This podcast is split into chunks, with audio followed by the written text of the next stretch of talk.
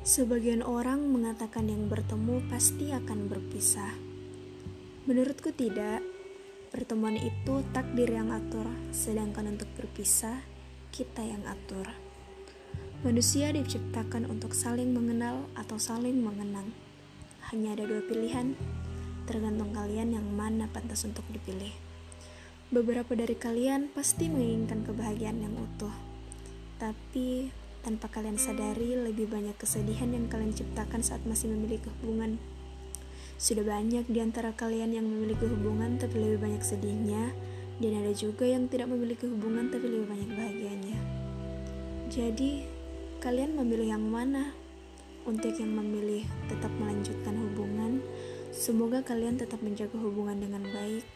Dan untuk yang memilih untuk mengenang, semoga kalian dipertemukan oleh orang-orang yang akan membangun kebahagiaan bersama.